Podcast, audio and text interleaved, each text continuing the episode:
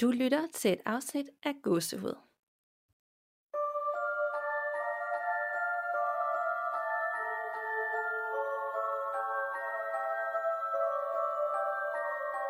Hej Danika, Hej Nana.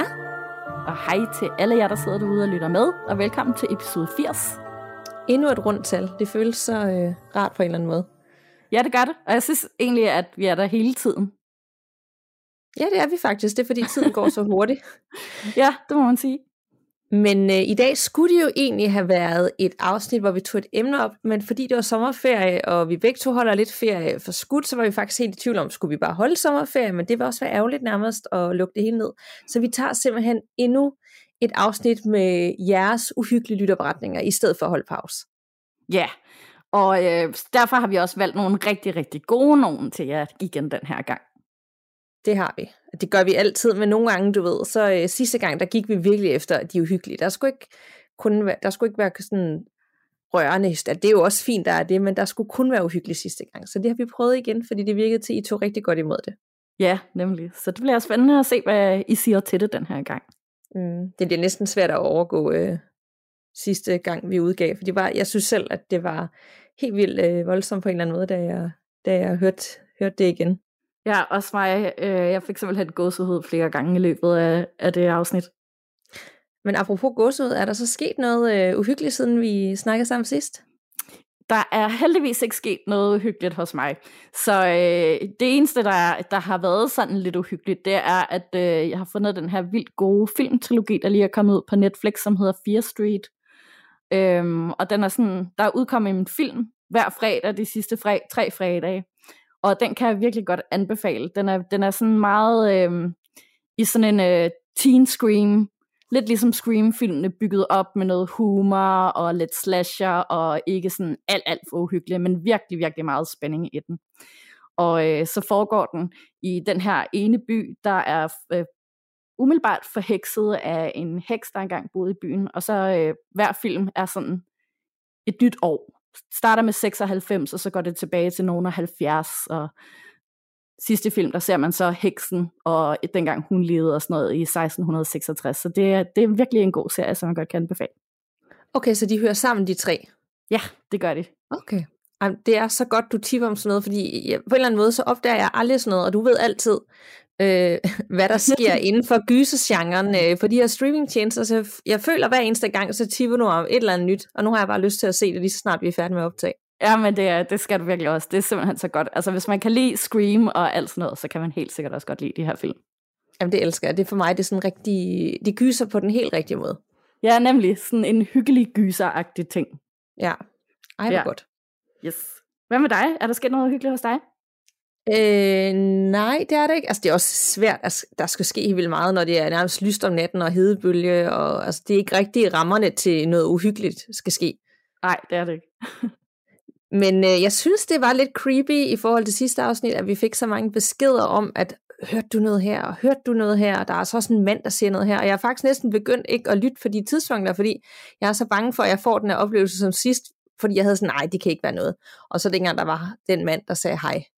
Ja. Øhm, men, men når det er så sagt, så ved jeg, at i sidste afsnit, der var altså nogle børn, der legede ude foran mit vindue, da vi var ved at nærme os slutning. Kan du huske det? Jo, det kan jeg også godt huske, ja. Jo. Og jeg lukkede vinduet, og der er nogen, der har sagt, at jeg kan høre nogle børn. Og det er ikke ens betydende med, at vi har sådan nogle børne øh, genfærd øh, med på optagelser. Det kan også også være rigtige mennesker, som det var det i hvert fald i det her tilfælde. Så jeg tror ikke, der har været nogen børn. Men ved alt andet end det, der skete i de sidste øh, 10 minutter, det har jeg faktisk ikke lyttet til igen, fordi jeg som sagt er lidt bange for, hvad, hvad jeg møder. Altså det kan godt være sådan lidt, vi kan jo godt grine af det nu, og uh, det er lidt uhyggeligt, men jeg har, det der med at, at høre noget på et optagelse, som man 100% ikke ved er os, Ja. det er bare skræmmende. Ja, altså jeg lytter også, øh, jeg lytter faktisk ret tit, når folk skriver sådan, øhm, når de skriver specifikt tidspunkt, hvornår, hvornår jeg afsnittet det kommer, så lytter jeg altid efter, men, men det er meget sjældent, jeg kan høre noget faktisk, og jeg ved ikke, om det er fordi, at jeg er så, er så lukket øh, lige i øjeblikket, at, at jeg bare ikke rigtig kan, kan høre det. Det er faktisk meget interessant, om, om man nogle gange hører noget, som andre ikke hører, fordi man er mere åben. Ja, I det her tilfælde, der har folk jo virkelig skrevet præcis minuttal og sekundtal, så man kunne sagtens finde det. Øhm, det kan godt være, jeg bare skulle prøve at høre. Jeg er bare lidt nervøs for, hvad jeg, hvad jeg skal lytte til. Ja. ja, det er jeg også. Især når folk skriver, at det er sådan en meget dyb mandestemme, der siger sådan, hallo, eller et eller andet, så uh, det er creepy. Det har man ikke lyst til at høre. Ja. Og jeg vil lige komme med en disclaimer, at hvis der er nogen børnestemmer i baggrunden, så er det altså mine børn, fordi vi optager i det her tilfælde en øh, søndag klokken halv syv, og de er stadig ikke vågne, og det er sommerferie, så de er hjemme, og ja, så det, det kan godt lige være, der er noget. Men øh, jeg har sagt, de skal lige prøve at dæmpe sig lidt. Så øh, det finder vi ud af undervejs. yes, det gør vi. Men øh, inden vi går i gang med dagens emne, så har vi jo som altid vores faste sponsorpause og reklame for samarbejdspartner HelloFresh. Og øh, HelloFresh, det er jo den her fleksible måltidskasseløsning, hvor du hver uge vælger mellem 15 lækre retter, som sendes direkte til din dør. Det smager godt, det er nemt at lave, og der er virkelig noget for alle. Det er både familievenlige retter, vegetar, grillretter, premiumretter og også de kalorielette. Så der er virkelig det hele, og det er lige til at bygge sammen til en måltid, hvad du er dig selv, bor med nogen, eller det skal være til hele familien. Du kan altid springe uger over eller holde pause, når du vil. Og øh, her til sommer, der er der jo rigtig mange af os, der holder ferie eller skal i sommerhus, og så ændrer man bare hurtigt adressen og får det med, eller man kan pause det ind i appen. Og vores samarbejde med HelloFresh gør det muligt for os at producere gåsehud, så endnu en gang tak til jer alle, fordi I støtter os ved at bruge de rabatkoder, vi skaffer til jer. Du får som lytter af godset op til 725 kroner rabat på dine fire første kasser med koden HelloGH, og det er med store bogstaver, hvis du vel og mærke er ny kunde hos HelloFresh. Så øh, det er klart værd at tage med, hvis du stadig har brug for en hjælpende hånd i køkkenet. Og hvad har du fået at spise de sidste uger, Nana? Jamen, jeg har fået virkelig meget lækker mad igen. Jeg er igen gået efter de her meget sommerlige, lette retter, og også efter de hurtige retter, fordi jeg vidste, at jeg ikke har haft så meget overskud til at stå og rode i køkkenet i alt for lang tid. Så det har været sådan nogle øhm, øh, kikærtesalater, og noget middelshavskylling, og alt sådan noget lækker. Nogle, nogle hurtige wraps med noget, en masse grøntsager i og sådan noget. Det har været super lækkert. Hvad har du fået? Jamen, jeg elsker, at vi altid vælger det samme. Vi har virkelig samme smag med, kan jeg høre. og, øh, og grønne og sommerligt mad. Og så vil jeg også gerne lige slå et slag for, at øh, de er faktisk meget kreative, og her til EM, der havde de alle de her delevenlige retter, så det var lige til at spise med gode venner op til kampene.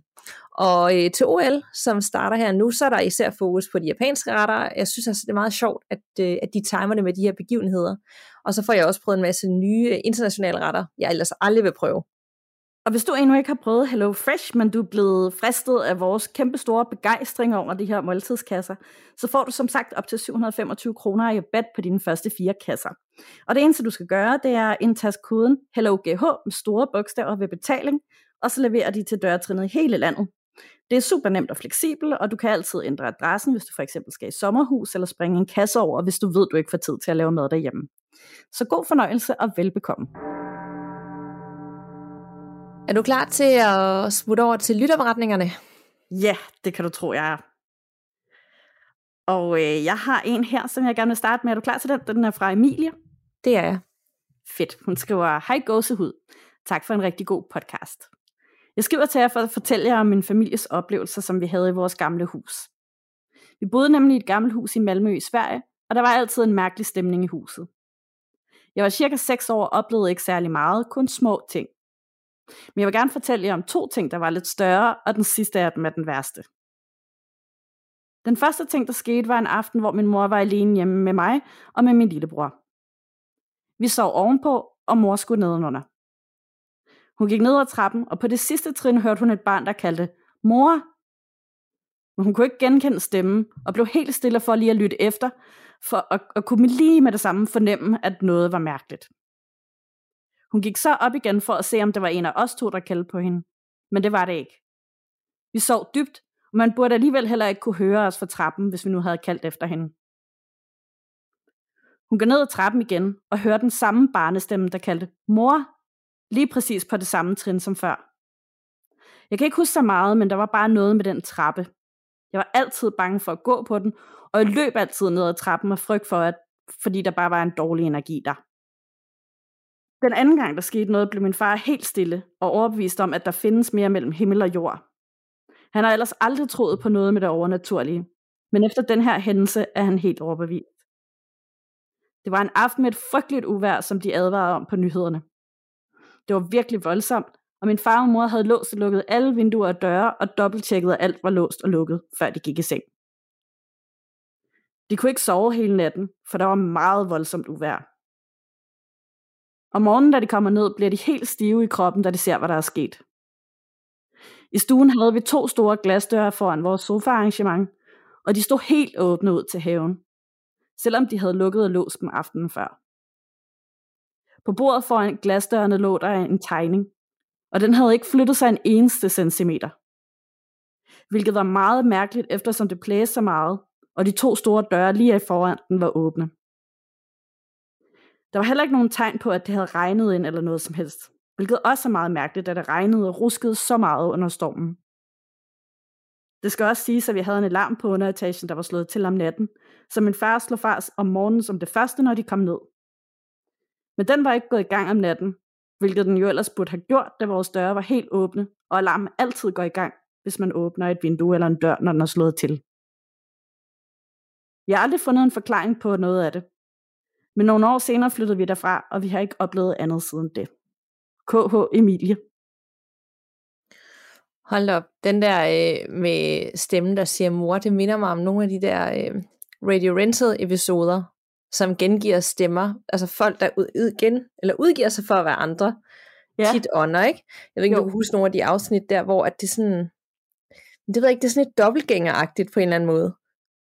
Ja, det er det. Øh, og hvad er det? Er det shapeshifter, det hedder, eller sådan noget? Dem, der udgiver sig for at være noget andet? Ja, det kan godt være, det hedder det.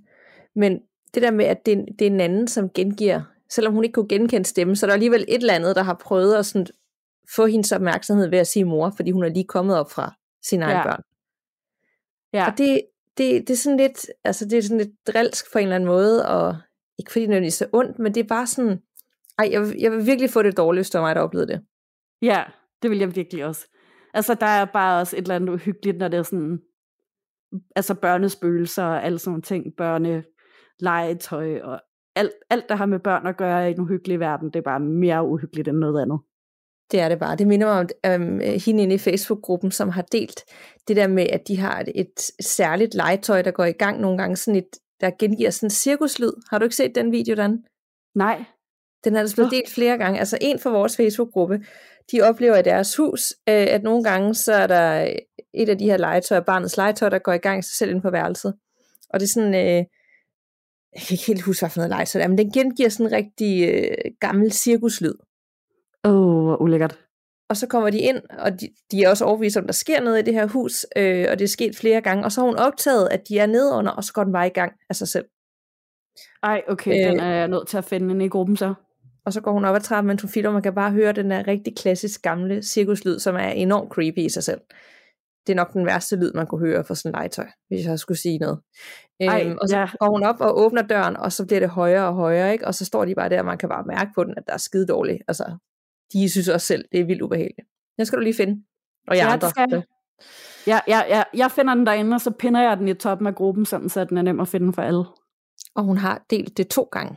Fordi det er Fedt. sket, altså hun har optaget det to gange, jeg tror faktisk, det er sket flere gange. Men øh, så hvis det er, du kan pinde begge to, så kan andre også se det. Ja, det gør jeg. Ad, hvor ulækkert.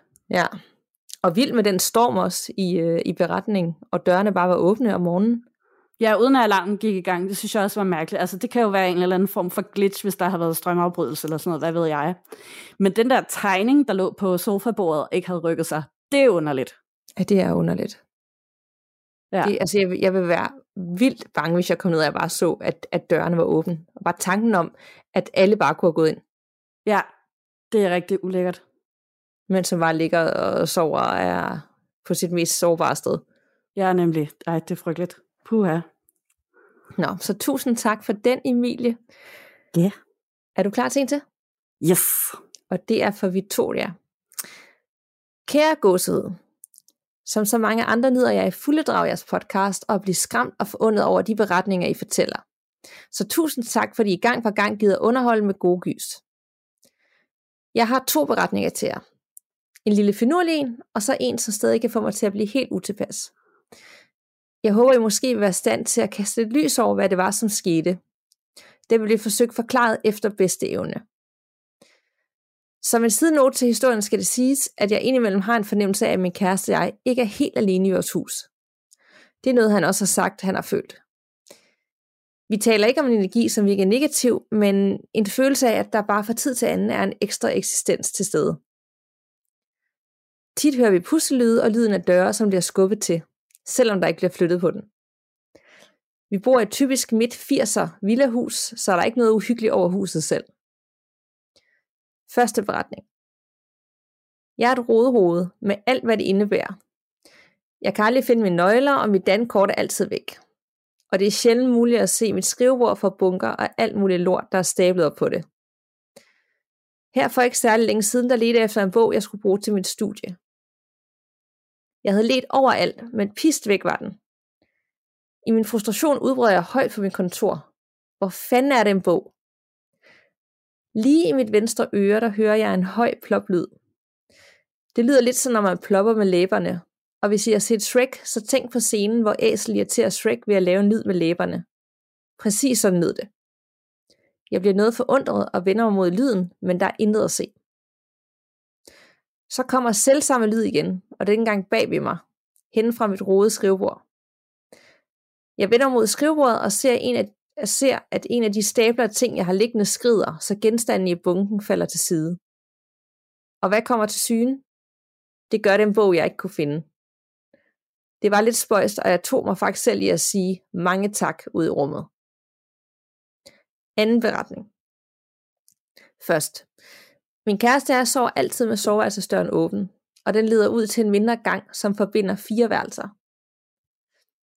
For et par år siden havde jeg en drøm, eller jeg er i hvert fald ret sikker på, at jeg sov, og eventuelt oplevede en søvnparalyse. Derfor er drøm også anført i anførselstegn. Jeg ligger i min seng med min kæreste siden af, og jeg bliver vækket af, at en stærk kraft tager fat i mine ankler og hiver mig med al sin styrke. For inden af sengen står en høj, mørk herreskikkelse med hat på. Sådan en lidt klassisk trilby hat, som Frank Sinatra ofte bar. Jeg kan ikke se et ansigt som sådan, men et omrids af. I min drøm kæmper jeg imod og forsøger at skrige og råbe, men jeg kan ikke. Det er som om al luft har forladt mine lunger. Skikkelsen bliver ved med at trække mine ankler, samtidig med at jeg oplever en stor tyngde på mit bryst. Jeg holder panisk fat i sengen og min kæreste, som ligger livløs ved siden af mig. Og imens jeg prøver at komme i kontakt med ham, siger skikkelsen for enden af sengen. Du kan ikke komme i kontakt med ham der, hvor han er. Stemmen er dyb og har en rungende klang. Førhen, når jeg har haft meget, har jeg et disse kunne fortælle mig selv, at jeg skal vågne, og det er en drøm, jeg skal ud af. Under denne drøm prøver jeg med vold og magt at vække mig selv. Og jeg bliver med at gentage, det er en drøm, du skal vågne nu. Det er en drøm, vågn nu. Samtidig med, at jeg i drømmen niver og slår mig selv hårdt for at vække min krop. Det lykkes at komme ud af drømmen med et sæt, og jeg flyver nærmest ud af sengen, lysvågen. Til min skræk står der i sprækken i soveværelsesdøren en høj, mørk herreskikkelse. Her får jeg ved en blanding af chokering, lyd, skrig, vækket min kæreste. Alt imens skikkelsen nærmest glider ind i værelset modsat soveværelset. Min kæreste ser ikke skikkelsen, og han ser, at jeg er drømt, og det nok bare var en form for skygge, som har manifesteret sig fra min drøm. Men jeg er ret sikker på, at det var en skikkelse. Det tog noget tid, inden min hjerterytme blev normal igen, og da jeg vågner næste morgen, er jeg stadig lidt mærket af drømmen.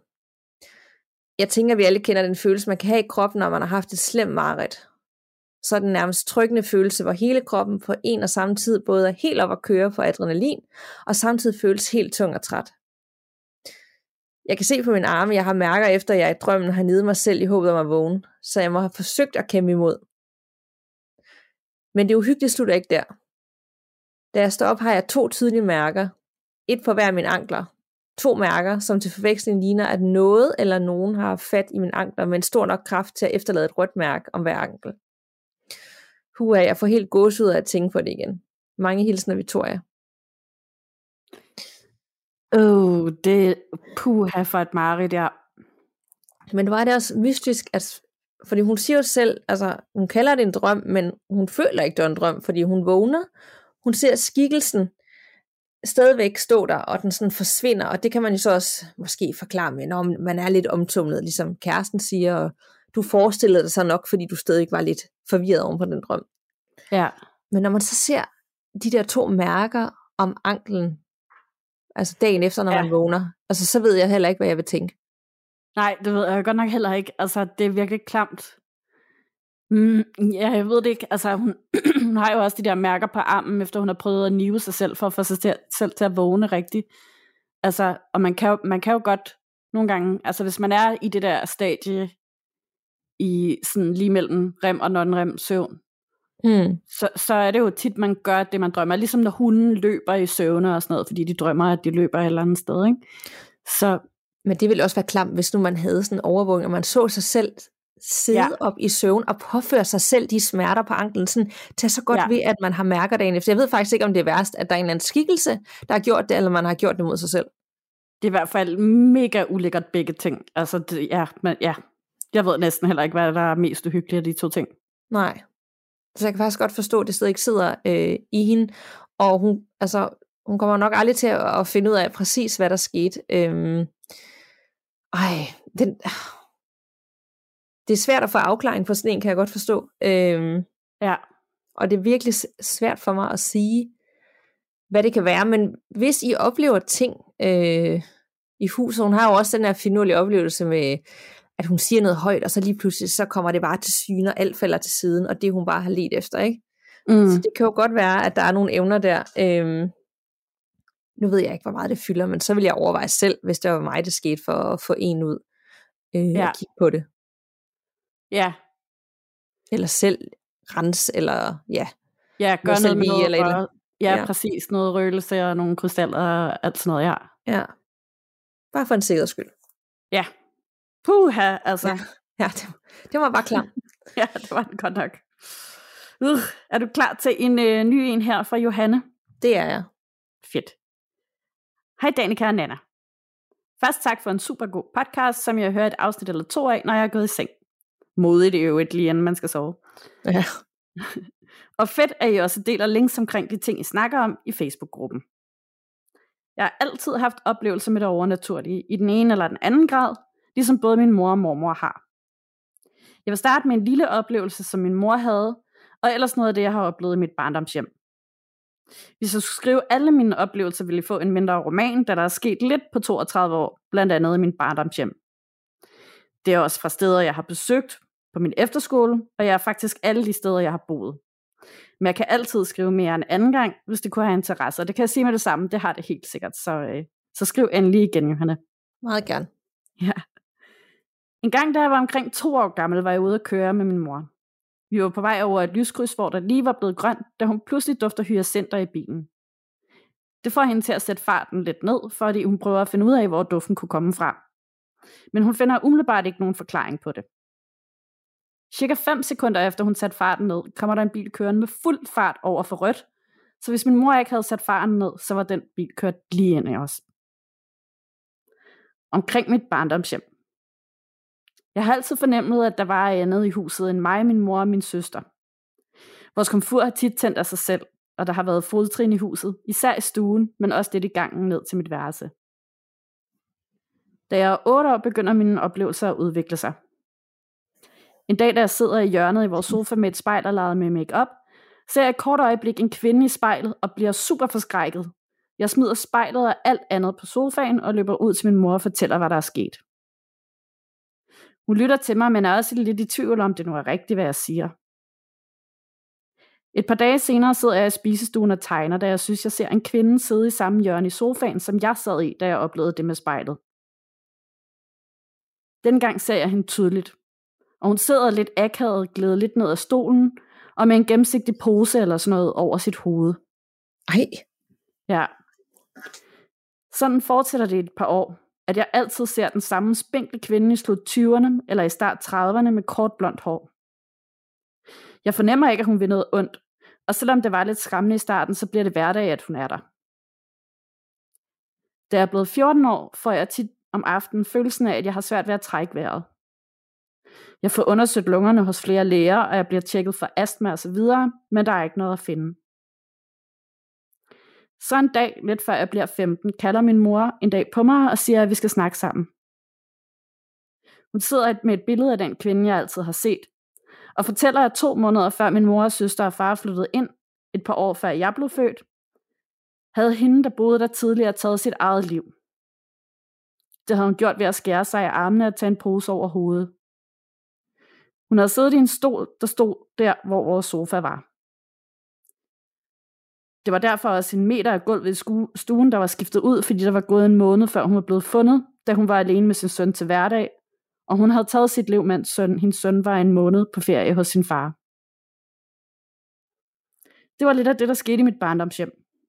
Og jeg har også en anden lidt værre oplevelse fra samme hjem, men den skete sammen med en ven, så jeg skal lige høre, om du stadig kan huske, hvad der er sket.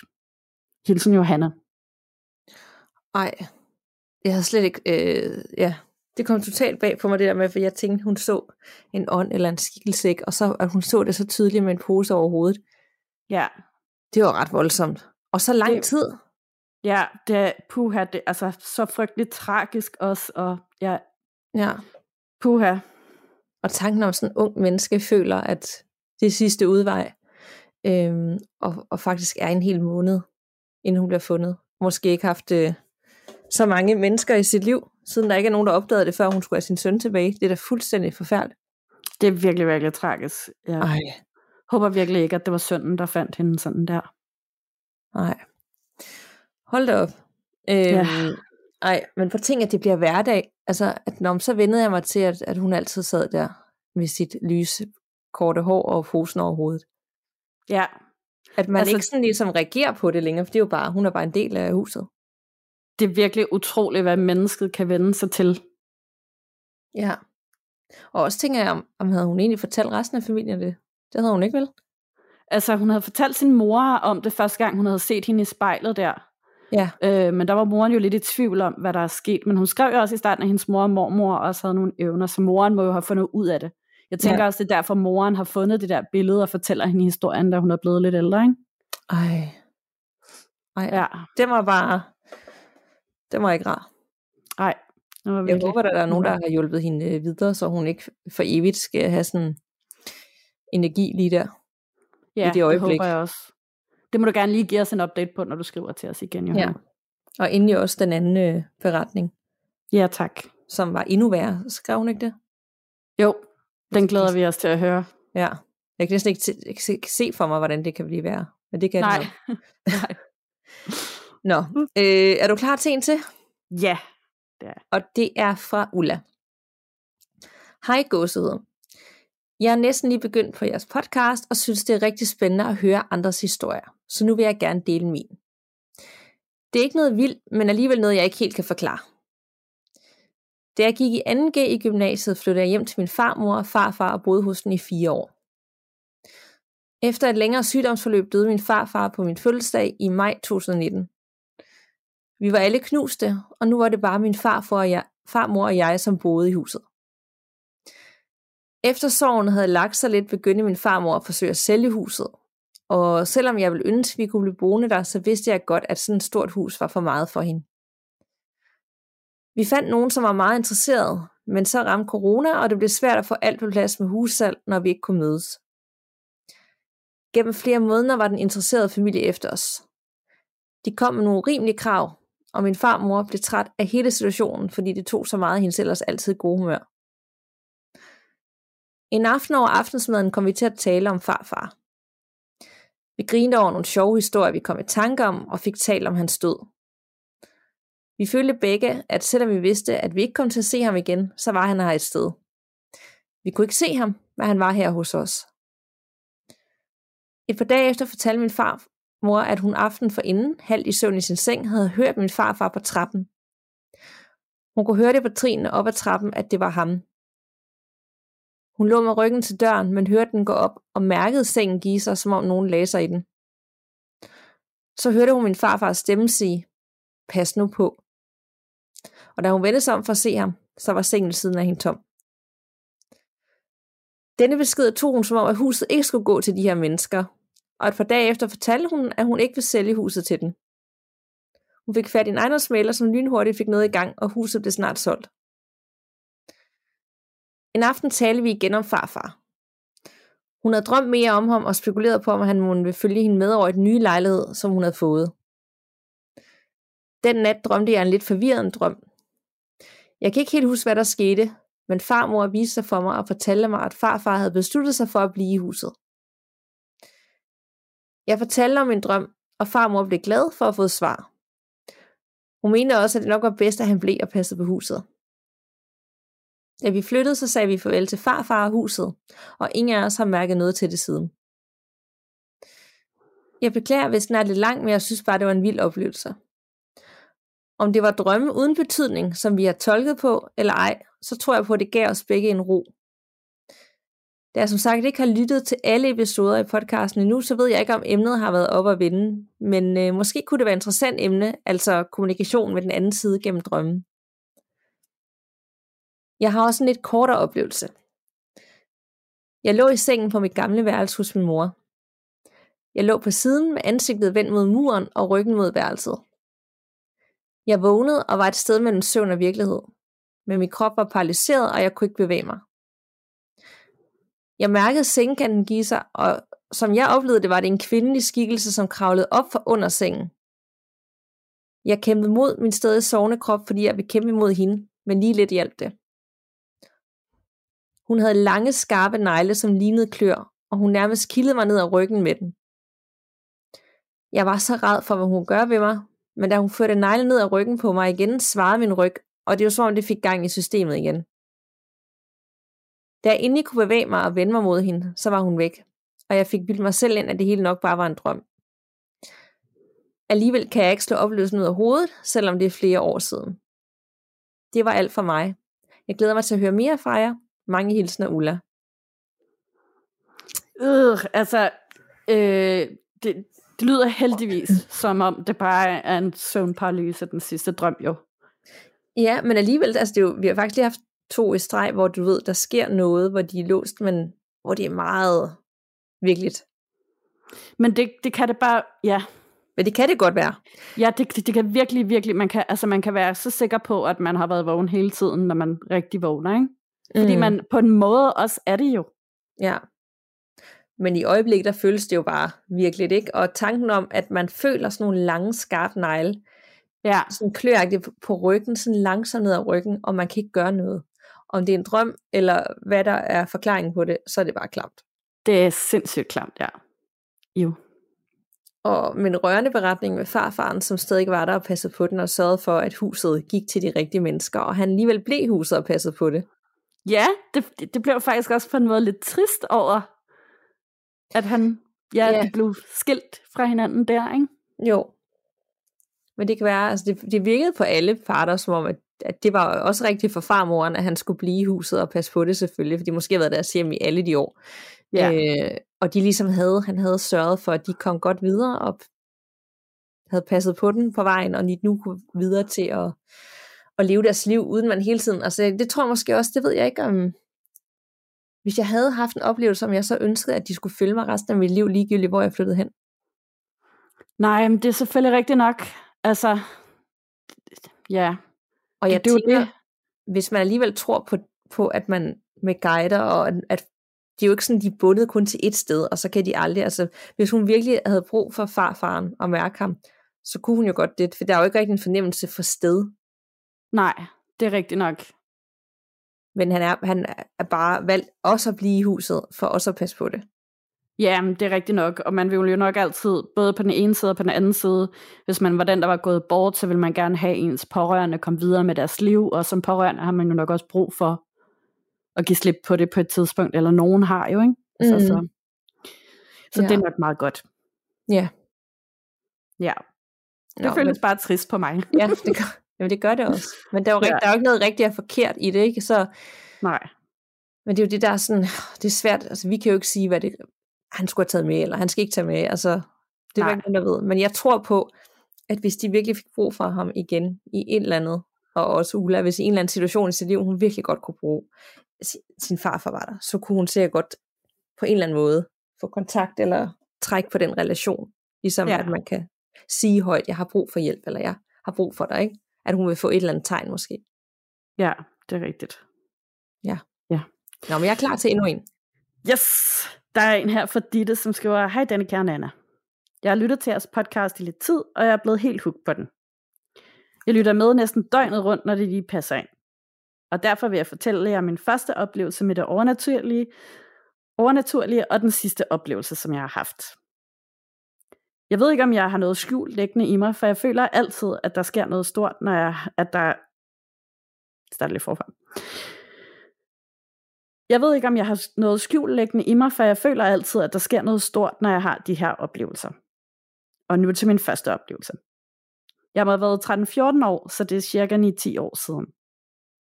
Jeg var hjemme med en god veninde, men fik det lige pludselig dårligt, så jeg gik ind på hendes værelse, som lå på første salen i deres hus. Jeg havde hørt historier fra min veninde og hendes søskende om, at de havde oplevet nogle overnaturlige ting i huset. Men da jeg ikke selv nogensinde havde oplevet noget, som jeg kunne forklare med noget normalt, så troede jeg ikke så meget på det overnaturlige selv. Efter jeg gik ind på hendes værelse, lagde jeg mig i hendes seng og lå bare stirret ud af et vindue. Jeg ved ikke, hvor lang tid jeg nåede at ligge derinde, men fra det ene øjeblik til det andet så jeg en lille pige stå uden for vinduet. Jeg kan tydeligt huske, hvordan hun så ud. Det var en lille pige på omkring en 8 år, vil jeg tro. Hun havde lyst hår og gammeldags lysrød kjole på. Hun stod bare og smilede til mig. Jeg blev så skræmt, at jeg begyndte at græde virkelig højlydt. Jeg ved ikke, om jeg skreg eller hvad jeg gjorde, men min veninde og hendes søster kom løbende ind på værelset og spurgte, hvad der var galt. Jeg forklarede så med tårerne trillende ned af mine kinder, hvad jeg lige havde set. Min veninde satte sig ved siden af mig og prøvede på at trøste mig. Men pludselig blev der helt stille, og hun begyndte at stige på mig og smile til mig, præcis på samme måde, som den lille pige lige havde gjort. Jeg spurgte hende stille, hvad laver du? Hun rystede hurtigt på hovedet og kom så på en måde til sig selv igen. Hun begyndte selv at græde, fordi hun nu selv blev virkelig skræmt. Hun blev nødt til lige at trække sig lidt til siden, så hun satte sig ned på gulvet, lige over for det vindue der. Både min venindes søster og jeg blev siddende på sengen og kiggede på min veninde. Vi var alle sammen helt ved siden af os selv og vidste ikke, hvad vi skulle gøre os selv. Min veninde rejste sig pludselig meget hurtigt op fra gulvet og styrtede ud af værelset. Vi skyndte os hurtigt efter hende og spurgte, hvad der var sket, og hun fortalte os, at hun så den lille pige i vinduet, som gjorde en bevægelse, som om, at min veninde skulle komme ned til hende. Behøver jeg at sige, at vi ikke opholdt sig på min venindes værelse resten af den aften? Min sidste oplevelse omhandler sjovt nok også noget om den samme veninde. Det her skete for cirka fire år siden. Vi bor begge to i et gammelt hus sammen med min mor. Min veninde flyttede først ind, efter jeg havde boet hos min mor i noget tid, hvor jeg ikke havde oplevet noget som helst, der var så dejligt stille. Kort tid efter min veninde var flyttet ind, begyndte jeg at opleve mærkelige ting inde på mit værelse. Jeg følte, at jeg kunne se en dame i en lang kjole, som havde sat sit hår op i en stor knold. Jeg måtte ikke se dames ansigt, det ville hun ikke lade mig gøre. Hun var til gengæld ret aggressiv.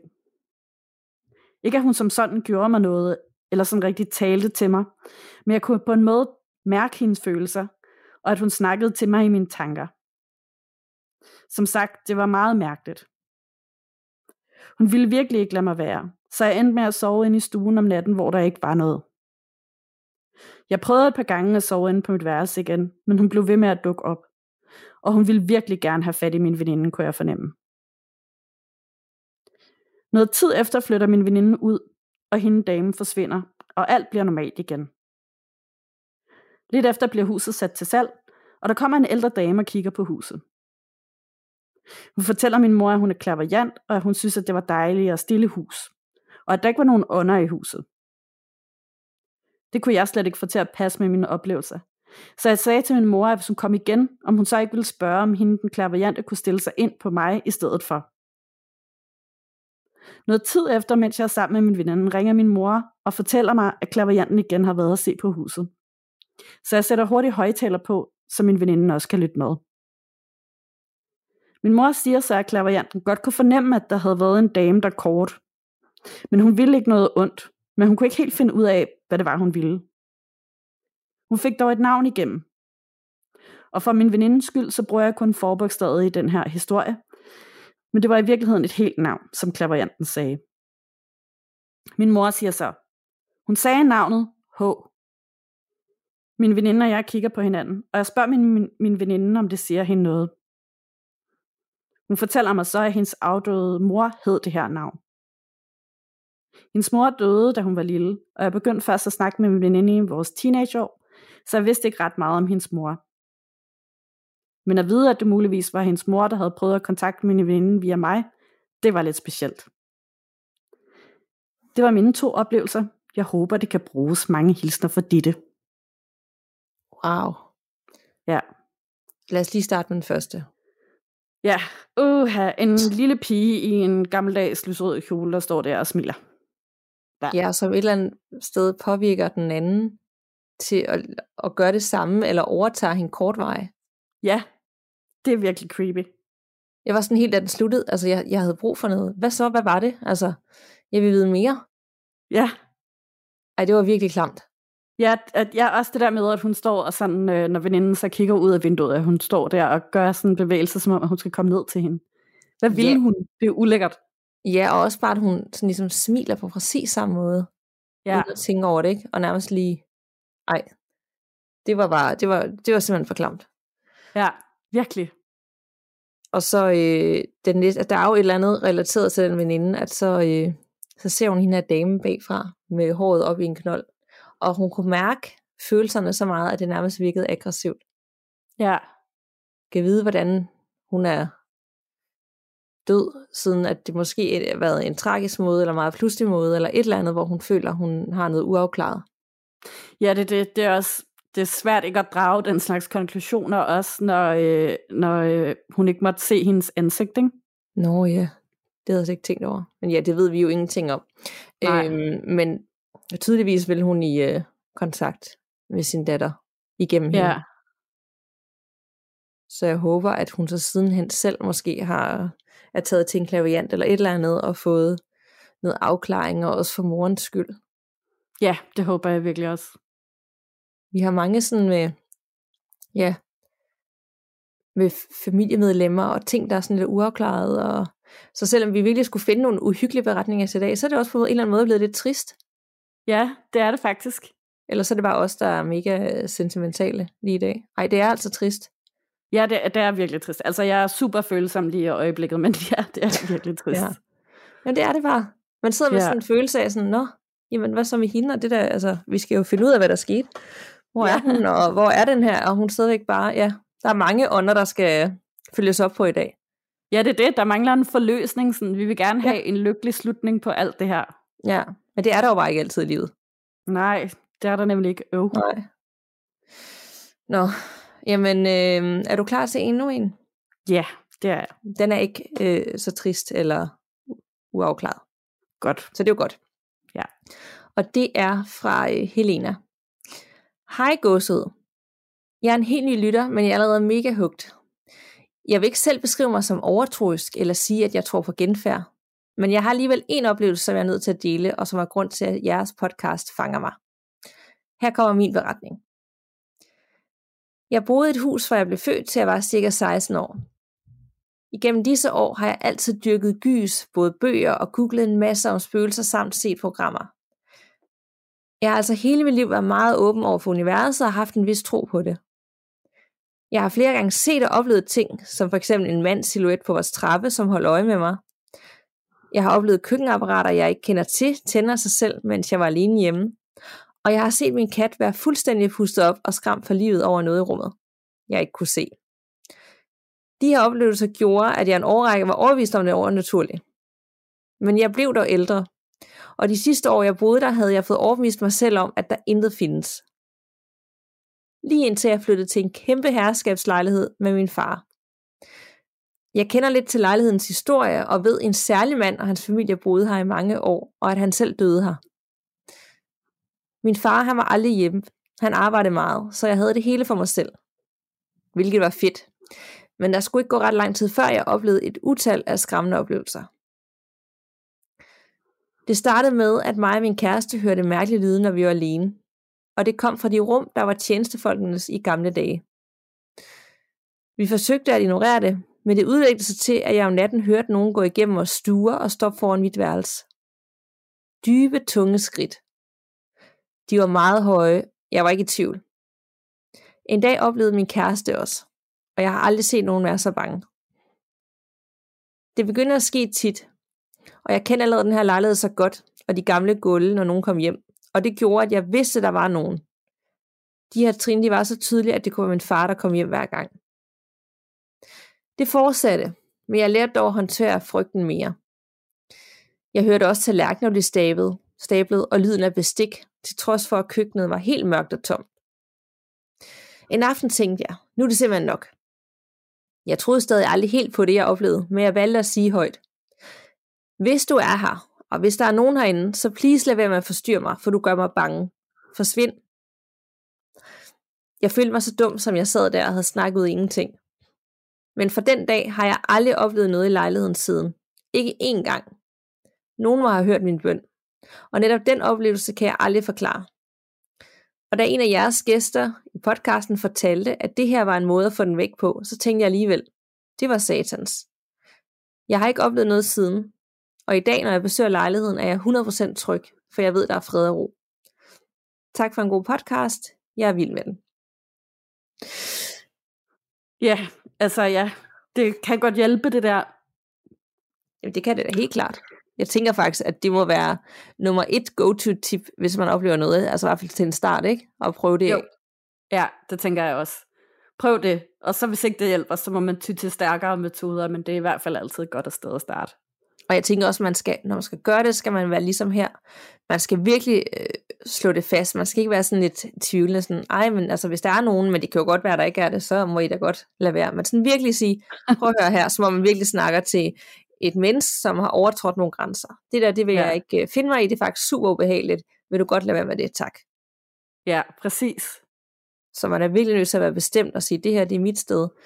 I skal respektere, øh, og jeg er mega bange, så lad mig være. Nemlig hård og kontant. Ja, det virkede. Ja. Så øh, Puha. god reminder. Yes. Nå, jeg har en sidste historie her fra en anonym lytter. Mm. Og øh, vedkommende skriver kærgås ud. Først og fremmest vil jeg gerne takke jer for en helt igennem fantastisk podcast. Jeg har, siden jeg for nylig fandt frem til, jeg ikke kunne lægge den fra mig. Også selvom det bliver så nervepirrende at lytte til jer. Min historie startede, da vi for nogle måneder siden flyttede ind i vores nye skundehus i Nordsjælland.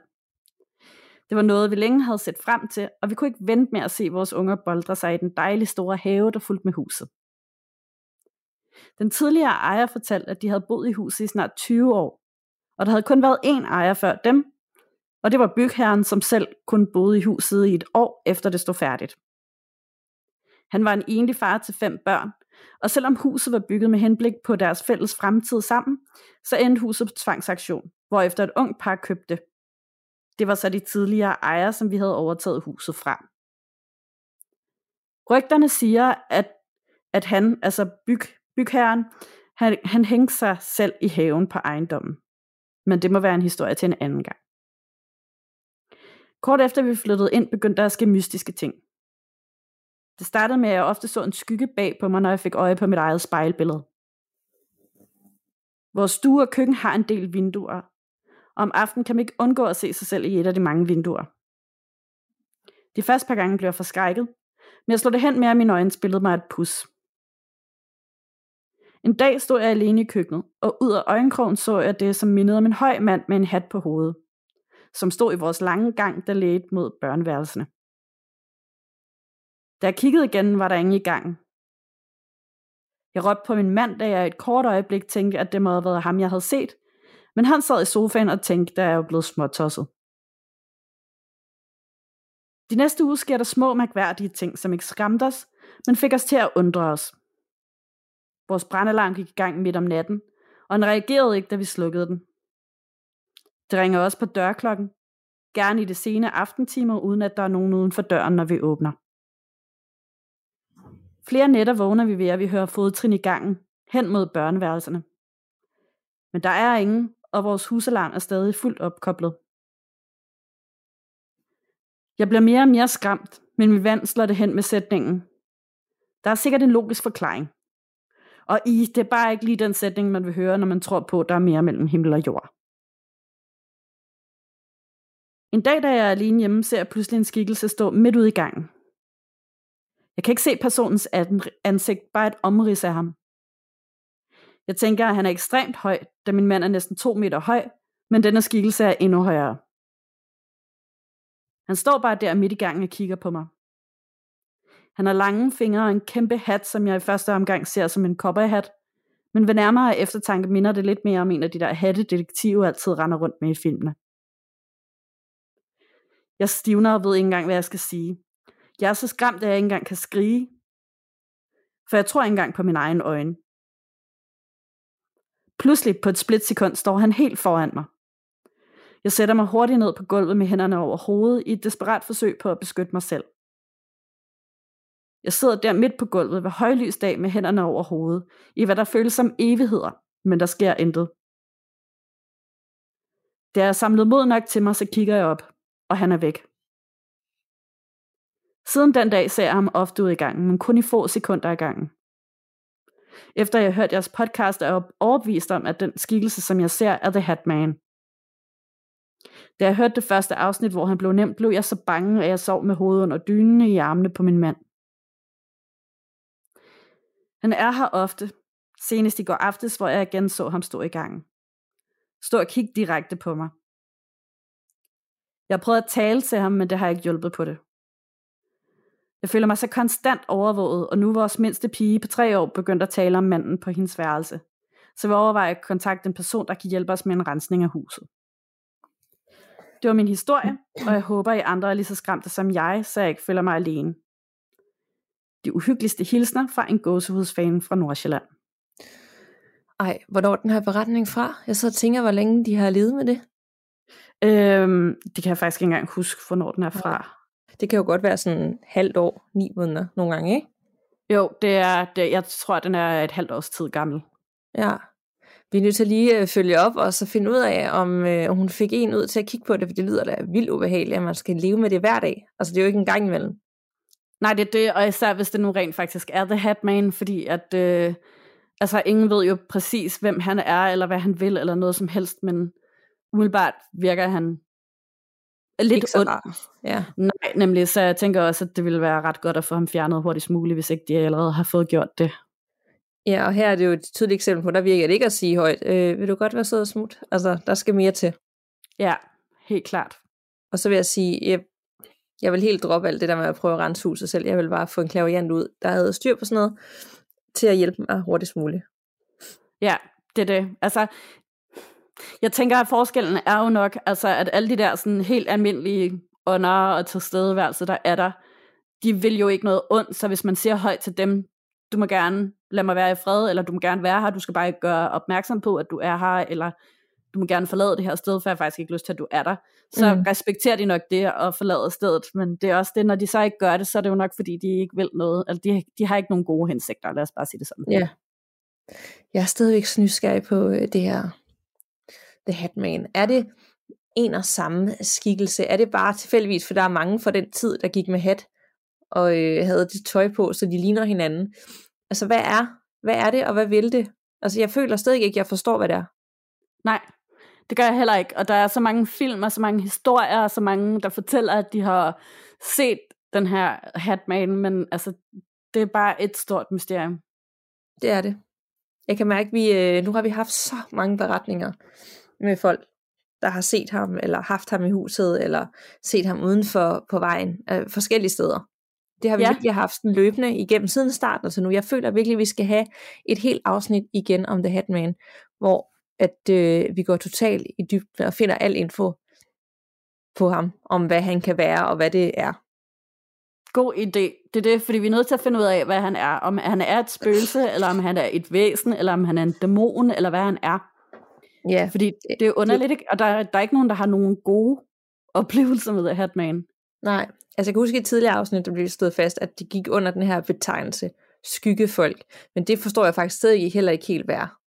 Nej, Så vi skal have et, øh, et afsnit igen. Jeg tror aldrig, vi finder ud af det, men det kan Nej. være, at man kommer lidt tættere på og får endnu flere beretninger med folk, der har mødt ham rundt omkring i verden. helt sikkert. Skyggefolk og The Hatman. Det Især. er stadig, ja. stadigvæk top 3 øh, mest uhyggelige ting, jeg kan komme i tanke om. Så op på niveau med Black Eyed Children Ja, der, og Dobbelgænger. Så tror jeg, det er Ja. top 3. helt klart, ja.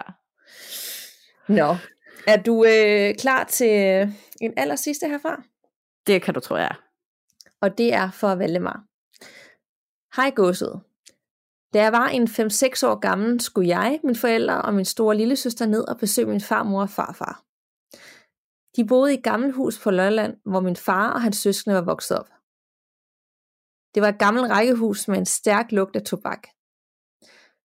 Der var to indgange til huset.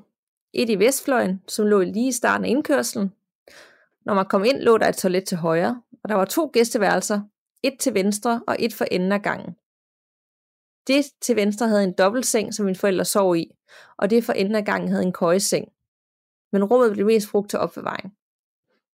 Det er lidt sløret, hvad vi laver i løbet af dagen, da det er lang tid siden. Men jeg kan tydeligt huske aften. Min store søster og jeg skal sove i køjesengen. Jeg ligger i underkøjen, og hun ligger i overkøjen. Vi ligger og snakker lidt og griner. Men da vi bliver enige om at sove, kan jeg bare ikke falde i søvn.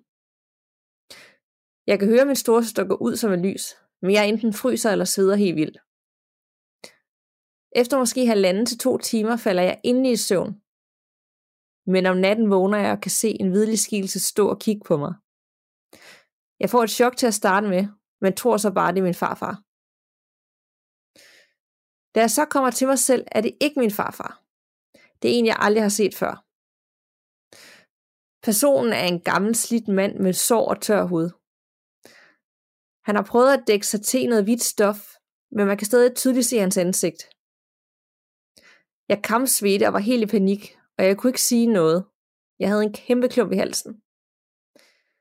Han startede med at have et flink glimt i øjet, og han smilte, men han reagerede på, at jeg blev bange, og han fik en helt trist attitude. Jeg fik samlet mig mod, og stormede lige ind i den fremmede, lige igennem ham og blev ramt af kulde, som var det minus 40 grader. Jeg løb alt, hvad jeg kunne lige ind til mine forældre.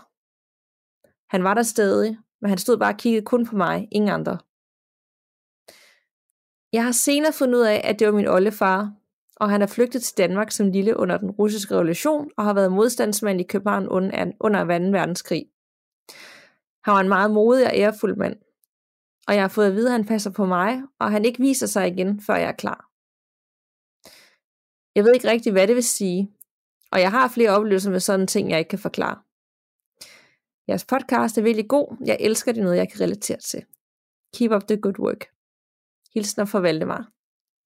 Ej, hvor mega spændende, altså.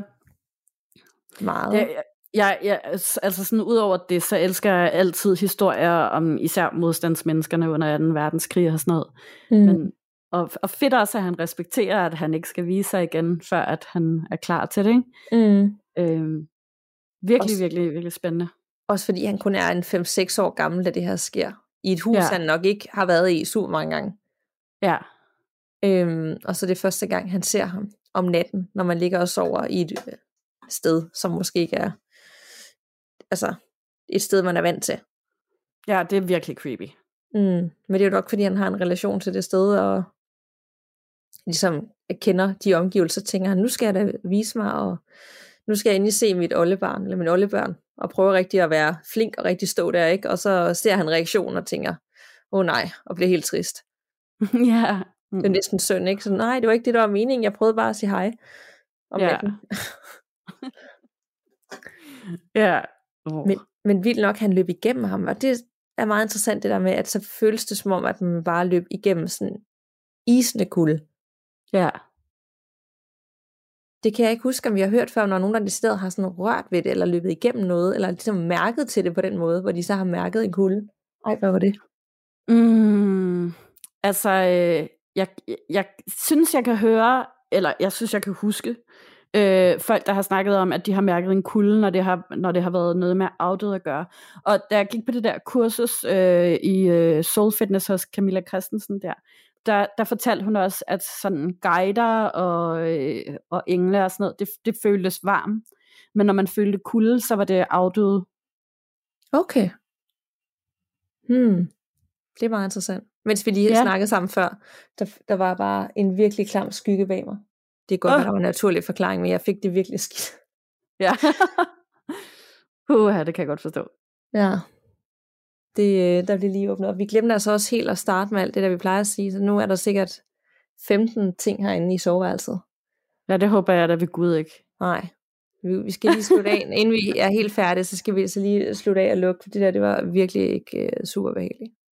Nå, men ja. øh, virkelig øh, spændende beretning, og rart, at det er en fra hans familie, der passer på ham og ligesom er der for ham. Og at han ja. kommer igen, når han er klar en dag, det må da også være rart at vide. Om man så nogensinde bliver klar, det ved man jo ikke. Det Nej. finder man vel ud af. Det er jo også fair nok, hvis man ikke gør det. Ja, helt sikkert. Det er det. Så, så kom vi igennem otte igen meget uhyggelige, men også meget triste og rørende beretninger. Ja, det må man sige. Og hvis I sidder derude, øh, nu er der jo nogle stykker af jer, som vi har øh, i dag opfordret til at skrive til os igen, men hvis du sidder derude og har skrevet til os før, og gerne vil fortælle noget mere, eller hvis du aldrig har skrevet til os før, og gerne vil skrive noget, eller kender nogen, du synes skal skrive til os, så send os en e-mail på gåsehudpodcast.gmail.com, og det er gåsehud med to A'er. Og så øh, glæder vi os helt vildt meget til at læse jeres fortællinger. Det gør vi, og selvom vi har rigtig mange derinde, og vi lige nu har så mange, at det virkelig er svært at nå alle, så gør vi det bedste, vi kan. Øhm, og husk endelig også at komme ind i Facebook-gruppen. Der er vildt uhyggeligt på den fede måde. Øhm, vi er snart 7.000 mennesker, og der bliver dagligt delt alle mulige uhyggelige tips og beretninger og små videoer med folk, der har oplevet ting, så øh, det kan vi kun anbefale. Absolut. Og I kan også altid følge os på Instagram, og så vil vi også blive sindssygt glade, hvis I vil følge os på diverse podcast-tjenester, og eventuelt give os nogle anmeldelser og nogle stjerner, og hvad der ellers kan gøres derude. Det vil vi meget gerne have. Så tak for det. Og øh, Nana, det kan være, at vi lige skal slutte af med at sige øh, tusind tak til ånderne, fordi de havde med undervejs. Der, øh, der er sket ting og sager igen, men nu er vi også klar til at lukke ned og ikke blive forstyrret af noget som helst, når vi ikke laver det her. Det har vi ikke lyst til. Nemlig.